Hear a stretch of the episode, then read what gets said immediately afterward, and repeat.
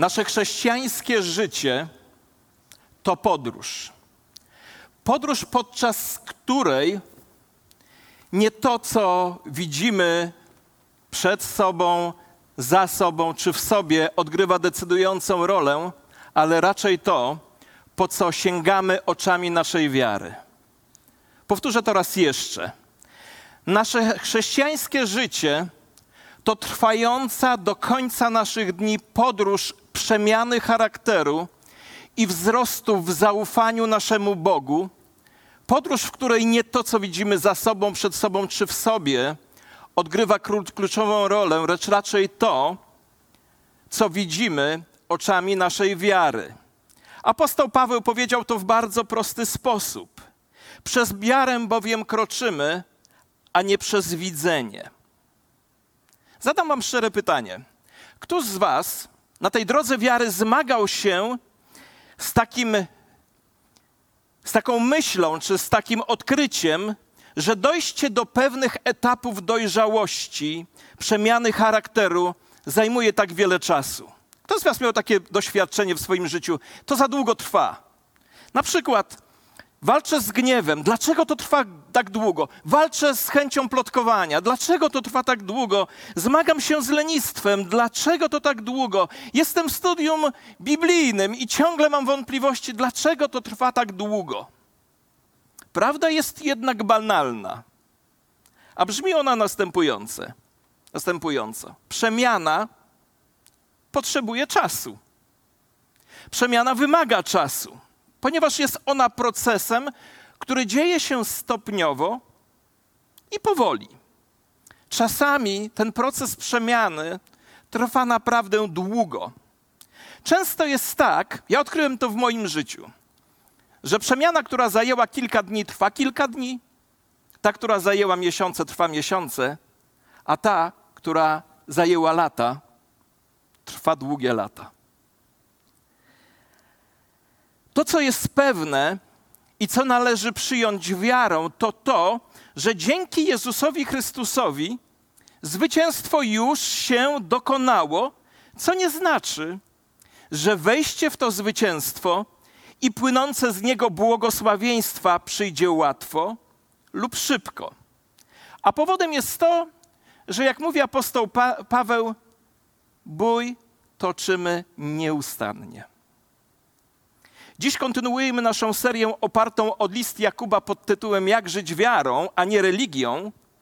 Dochodzimy dzisiaj do fragmentu, który będzie nas uczył, w jaki sposób poprzez próby i doświadczenia Bóg buduje naszą wiarę. Za chwilę przeczytam kolejny fragment listu Jakuba zapisany w drugim rozdziale, w wierszach od 21 do 24. Przeczytam je w nowym przekładzie, a potem będę odnosił się do troszeczkę innego przekładu, żeby bardziej ubogacić i otworzyć przed nami prawdę Bożego Słowa. Będziemy uczyć się od Abrahama, ojca wiary, w jaki sposób próby i doświadczenia mogą doprowadzić nas do dojrzałości, a naszą wiarę do pełni. Posłuchajcie. Przypomnij sobie, z jakiego powodu nasz ojciec Abraham został przez Najwyższego uznany sprawiedliwym. Czyż nie z uwagi na posłuszne działanie, jakie podjął w odpowiedzi na Boże polecenie, by złożył mu w ofierze swojego syna Izaaka? Jego wiara zaowocowała działaniem, które ukazało jego duchową dojrzałość. Dlatego pismo mówi o Abrahamie, że zaufał Panu i z tego powodu Najwyższy uznał go za sprawiedliwego, a także nazwał go swoim przyjacielem. Widzicie więc, że Najwyższy uznaje człowieka za sprawiedliwego nie z uwagi na jakieś słowne deklaracje, które ktoś nazywa wiarą lub wyznaniem wiary, ale dopiero wtedy, gdy zawierzenie, które składa on w Bogu, okazuje się prawdziwe, czyli owocujące w jego życiu pełnieniem woli Bożej. Zacznijmy więc od przetestowania wiary. Bo historia Abrahama, my znamy historię Abrahama, pamiętacie? Bóg przyszedł do Abrahama, gdy już miał syna upragnionego Izaaka i powiedział: Złóż mi go w ofierze. Pierwszy punkt dzisiejszego mojego roz, rozważania to przetestowanie, test wiary. Przyjrzyjmy się naszemu ojcu Abrahamowi dzięki czemu został usprawiedliwiony, gdy ofiarował na ołtarzu swego syna Izaaka? Czy nie dzięki uczynkom? Abraham po latach chodzenia z Bogiem zostaje poddany największej próbie swojego życia. Był to tak dramatyczny moment, że Jakub napisał, że Abraham został usprawiedliwiony z uczynków, kiedy ofiarował na ołtarzu Izaaka. Ja wiem, że na pierwszy rzut oka stoi to w wyraźnej sprzeczności z, jednej z, pod, z jedną z podstawowych zasad naszej wiary, która płynie z listu do Galacjan apostoła Pawia, Pawła, a mianowicie z tego, że z uczynków prawa nie będzie usprawiedliwiony, usprawiedliwione żadne ciało, lub jak mówi inny przekład, z uczynków prawa nie będzie usprawiedliwiony żaden człowiek. Ale to jest tylko pozorna sprzeczność.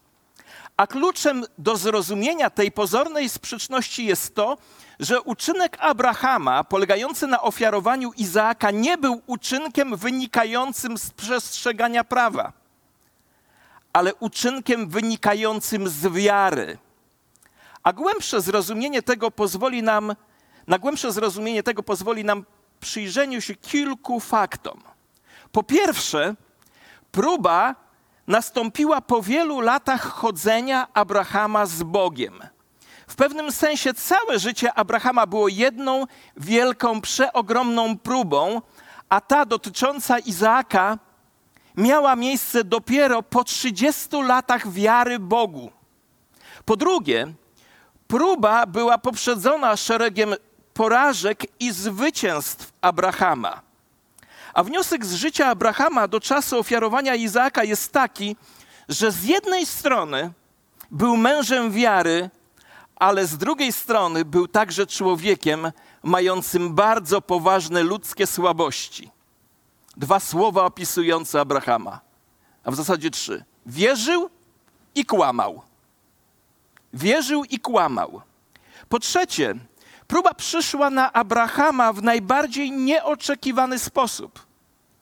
Kiedy Bóg powoływał go, by poszedł na górę Moria ze swoim synem, Abraham nie miał powodu przypuszczać, że Bóg chciałby, aby poświęcił on własnego syna. Nic w jego doświadczeniu z Bogiem nie miało go i nie mogło go przygotować w zupełności na tę jedną chwilę. Czwarta myśl, niezwykle ważna, to taka, że taki test wiary pojawia się tylko raz na kartach Biblii. To jedyny raz, kiedy Bóg kiedykolwiek poprosił kogokolwiek, aby złożył w ofierze swojego syna. Syna, który był spełnieniem Bożej obietnicy. Wiecie, to jest najbardziej ekstremalny test wiary. List do Hebrajczyków, 11 rozdział i 19 wiersz mówi, że Abraham wierzył, że nawet gdyby zabił własnego syna, Bóg wskrzesiłby go z martwych. Abraham sądził, że Bóg może wskrzeszać umarłych i w pewnym sensie rzeczywiście wskrzesił Izaaka, przywrócił go z rąk śmierci. Tę wiarę we wskrzeszenie możemy dostrzec w dwóch faktach dotyczących właśnie tej drogi na górę Moria. Jest to opisane w Księdze Rodzaju w 22 rozdziale.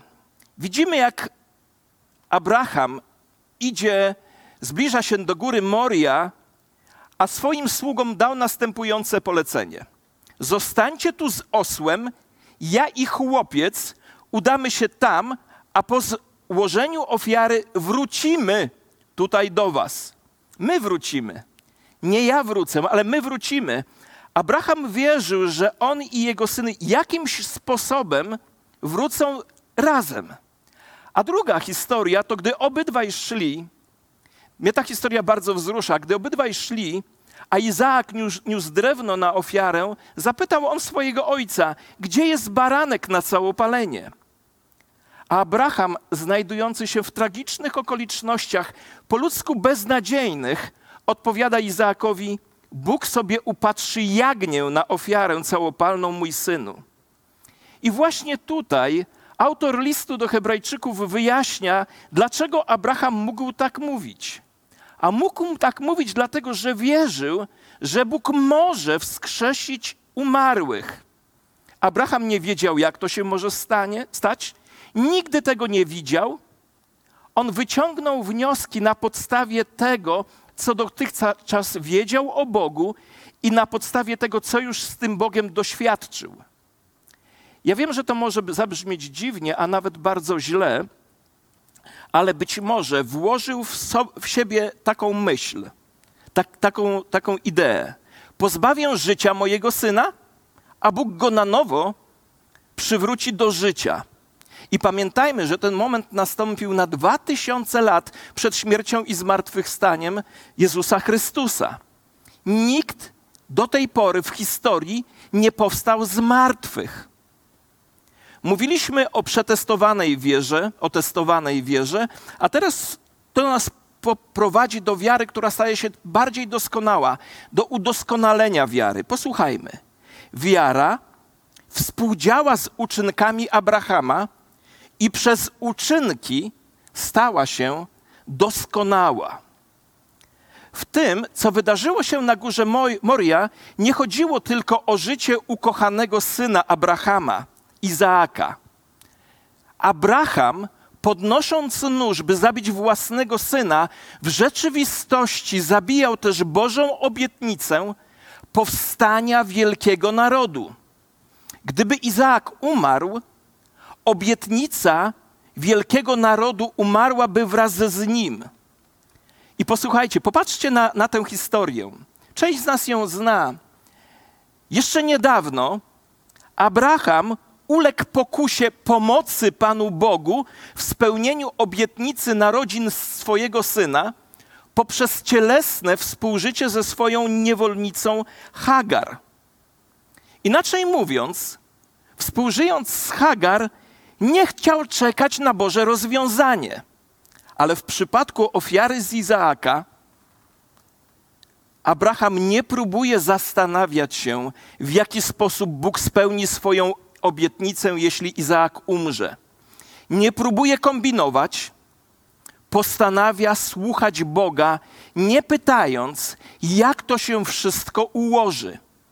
Był posłuszny, nie rozumiejąc. Co wiedział Abraham? Abraham wiedział dwie rzeczy. Pierwsza, że Bóg prosi go o złożenie syna w ofierze. A druga, że Bóg obiecał przez tego syna błogosławić cały świat. Abraham nie wiedział, jak Bóg zamierza pogodzić swoją obietnicę błogosławienia świata przez Izaaka ze swoim poleceniem złożenia Izaaka w ofierze. I właśnie w tym momencie możemy zobaczyć wiarę Abrahama wznoszącą się na wyżyny i na najlepszy poziom. I chociaż to polecenie z ludzkiego punktu widzenia nie miało żadnego sensu, Abraham i tak zamierzał okazać Panu Bogu posłuszeństwo. Chciał być posłuszny Bożemu nakazowi, mimo to, że oznaczało to zabicie Bożej obietnicy. I oto lekcja dla nas wszystkich. Posłuchajcie tej lekcji bardzo uważnie.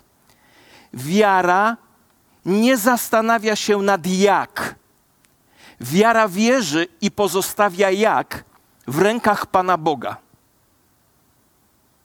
Mówiliśmy o przetestowanej wierze, mówiliśmy o udoskonalanej wierze, a to prowadzi nas do potwierdzenia wiary. W ten sposób wypełniły się słowa pisma. Abraham uwierzył Bogu i uznano mu to za sprawiedliwość, i został nazwany też przyjacielem Boga. Abraham został zbawiony, uratowany pod jednym warunkiem. Warunkiem wiary w to, co powiedział Bóg, a ofiarowanie Izaaka było wynikiem tej wiary.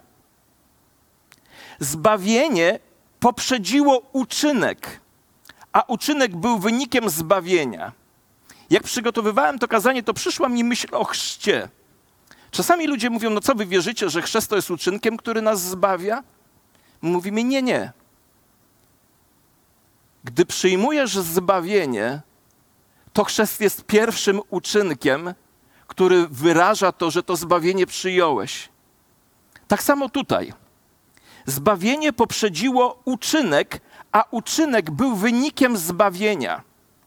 Tak więc można powiedzieć śmiało, że Abraham został usprawiedliwiony przez wiarę. Prawdą jest również to, że Abraham został usprawiedliwiony przez uczynki, ale nie przez uczynki prawa, ale przez uczynek wynikający ze zbawiennej, usprawiedliwiającej wiary, ponieważ ofiara Izaaka dowiodła prawdziwości jego wiary. A teraz na zakończenie. Wiara wyjaśniona. Posłuchajcie. Widzicie więc, że człowiek zostaje usprawiedliwiony dzięki uczynkom, a nie jedynie dzięki wierze? Wiecie, słowo wiara w Biblii ma bardzo dużo znaczeń. Ma wiele znaczeń. Ale przede wszystkim odnosi się do żywej ufności pokładanej w Bogu. W Biblii wiara przede wszystkim odnosi się do żywej ufności pokładanej w Bogu. Prawdziwa, zbawienna wiara wypływa w ufność, z ufności w wieczne Boże obietnice Boga, który nie może kłamać. Jeszcze raz. Prawdziwa, zbawienna wiara wypływa z ufności w wieczne obietnice Boga, który nie może kłamać. Inaczej mówiąc, wiara, która nas zbawia, zaczyna się od Boga, a nie od nas. A dla nas jest świadomym wyborem, aby zaufać w Boże obietnice, które przychodzą do nas przez śmierć i zmartwychwstanie Jezusa Chrystusa. I ten rodzaj wiary jest żywy, ponieważ opiera się na żywych słowach żyjącego Boga. Apostoł Jakub nie mówi do nas, powinieneś pozwolić, by Twoja wiara cię zmieniła. Apostoł Jakub idzie o wiele dalej, robi krok dalej. On chce nam powiedzieć stanowczo: prawdziwa wiara Ciebie zmieni. Ta wiara zostanie wcześniej czy później zauważona. Ale gdy mówimy o Abrahamie i Izaaku, to dla wielu z nas w tej dramatycznej historii ojca i syna, Abrahama i Izaaka, my chrześcijanie widzimy obraz śmierci i zmartwychwstania Pana Jezusa Chrystusa. W historii ofiary z Izaaka widzimy, co człowiek był gotów zrobić z miłości do Boga. Ale na Golgocie widzimy, co Bóg jest w stanie uczynić i uczynił z miłości do człowieka. Abraham został jedynie poproszony o złożenie w ofierze Izaaka. Bóg zaś rzeczywiście poświęcił swego jedynego syna. Co więcej, Jezus zniósł śmierć fizyczną i duchową, aby uzyskać odkupienie dla nas, grzeszników. I kiedy ręka Boga została podniesiona na Golgocie, nie było nikogo, kto zawołał: Zatrzymaj się, nie krzywdź tego dziecka. Nie było baranka zaplątanego w krzaki, który mógłby zająć jego miejsce. Tak więc ręka Boga uderzyła na sądzie w jego własnego syna, i dzięki temu Jezus umarł za mnie i za ciebie. Przyjrzyjmy się tym porównaniom. Abraham został poproszony, żeby ofiarować swojego syna. Ojciec niebiański ofiarował swojego syna. Izaak niósł drewno, Jezus niósł krzyż. Izaak był nieświadomy sytuacji, Jezus wiedział doskonale, co go czeka. Izaak został złożony na ołtarzu, Jezus został przybity do krzyża. Abraham był gotów skazać na śmierć swojego syna, wolą Ojca Niebiańskiego było, aby jego syn umarł. W miejsce Izaaka ofiarowano baranka, a Chrystus został ofiarowany w nasze miejsce, w miejsce nas, grzeszników. Abraham otrzymał swego syna z powrotem w przenośni, a Jezus dosłownie zmartwychwstał. Niesamowite jest to, co Bóg powiedział Abrahamowi po zakończeniu wielkiej próby. Posłuchajcie, nie odmówiłeś mi swojego jedynego syna. Bóg mówi tak: Poprosiłem cię o to, co dla ciebie jest najcenniejsze, a ty mi to dałeś. I prawdziwa lekcja z dzisiejszej historii dla nas, wierzących ludzi, sprowadza się do tego, że Bóg każdego z nas chce doprowadzić do takiego miejsca naszej wiary, byśmy mogli mieć jej pełnię. A jedyny sposób, w jaki to się może urzeczywistnić, to jest przejście przez czas prób, doświadczeń, które prowadzą nas w końcu do totalnego zaufania Jemu. Słyszycie? Bóg prowadzi nas przez próby i doświadczenia po to, żebyśmy dotarli do miejsca pełnego zaufania Jemu. Wiecie, Bóg wielokrotnie wystawiał Abrahama na próbę. I to samo robi z nami. Bo tylko w ten sposób wiara nasza może się wzmocnić i być wypróbowaną. Musimy sobie zdawać sprawę z tego, że nasze próby nie są jednakowe. Ale Bóg nieustannie każdego z nas, każdego z nas, jak tu jesteśmy, każdego z nas, kto nas dzisiaj słucha, nas wszystkich, Bóg prowadzi nas do takiego miejsca w życiu, w którym słyszymy pytanie: Czy oddasz mi wszystko, co kochasz? Przez próby i doświadczenia Bóg prowadzi nas do takiego miejsca, w którym w naszym sercu brzmi pytanie, Boże pytanie, czy oddasz mi wszystko to, co kochasz? I tak jak Abraham nie wiedział, co Bóg ma zamiar zrobić, Abraham nie wiedział o to, co, o co Bóg ma go zamiar poprosić, tak i my nie mamy pojęcia, co przyniesie dzień jutrzejszy. Ale wiemy jedno: Bóg stawia nas często w trudnych miejscach, aby nasza wiara rosła w obliczu próby. I w tym sensie jesteśmy usprawiedliwieni przez wiarę z jednej strony i przez uczynki wynikające z tej wiary z drugiej strony. Dlatego ważną rzeczą jest zastanowienie się nad taką myślą. Czy jestem dzisiaj gotowy powiedzieć Bogu następujące zdanie? Panie, uczyń, co zechcesz, abym mógł osiągnąć, mogła osiągnąć pełnię wiary. Pomóż mi, abym nie wątpił, nie wątpiła, nie zatrzymywał, nie zatrzymywała niczego dla siebie, ale abym poddał, poddała to wszystko, co mam pod Twoje stopy. Do tego Bóg nas prowadzi. Do takiego miejsca pozornej rezygnacji, które w zasadzie okazuje się miejscem niesamowitego rozwoju.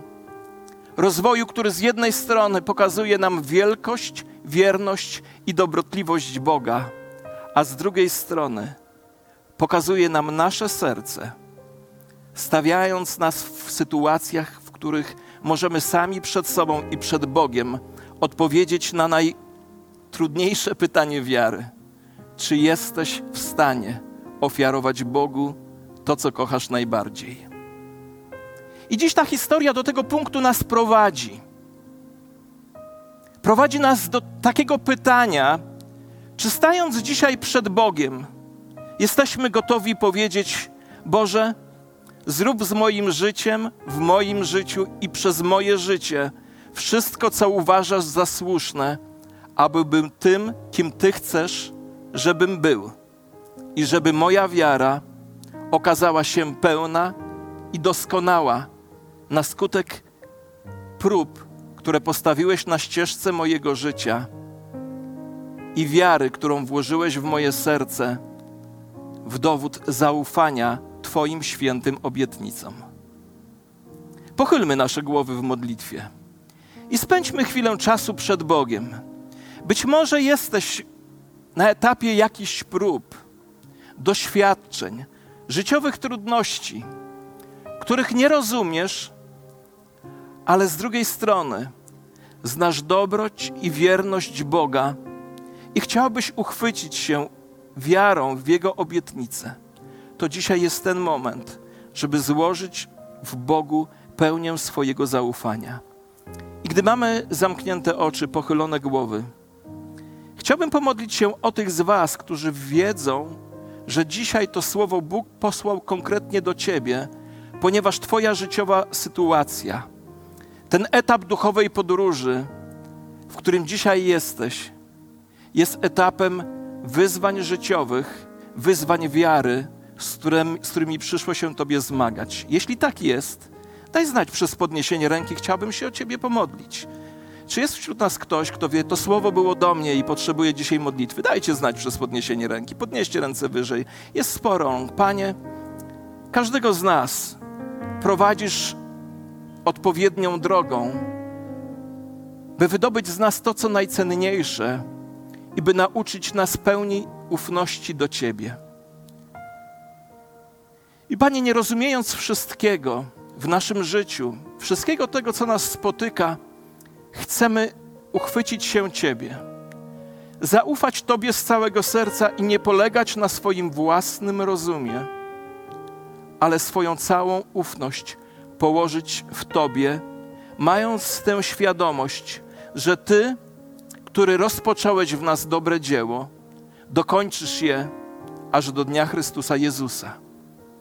I dzisiaj, Boże, który znasz nasze serca i wszystko przed Tobą w nas jest jawne, chcemy zaufać Tobie, że ten punkt życia, w którym jesteśmy, może być punktem głębokiej przemiany charakteru, zwiększenia naszego zaufania do Ciebie i oddania Tobie nadzwyczajnej chwały. I o to prosimy, by to się stało w naszym życiu tak bardzo realne. Amen. Powstańmy proszę i oddajmy Bogu chwałę.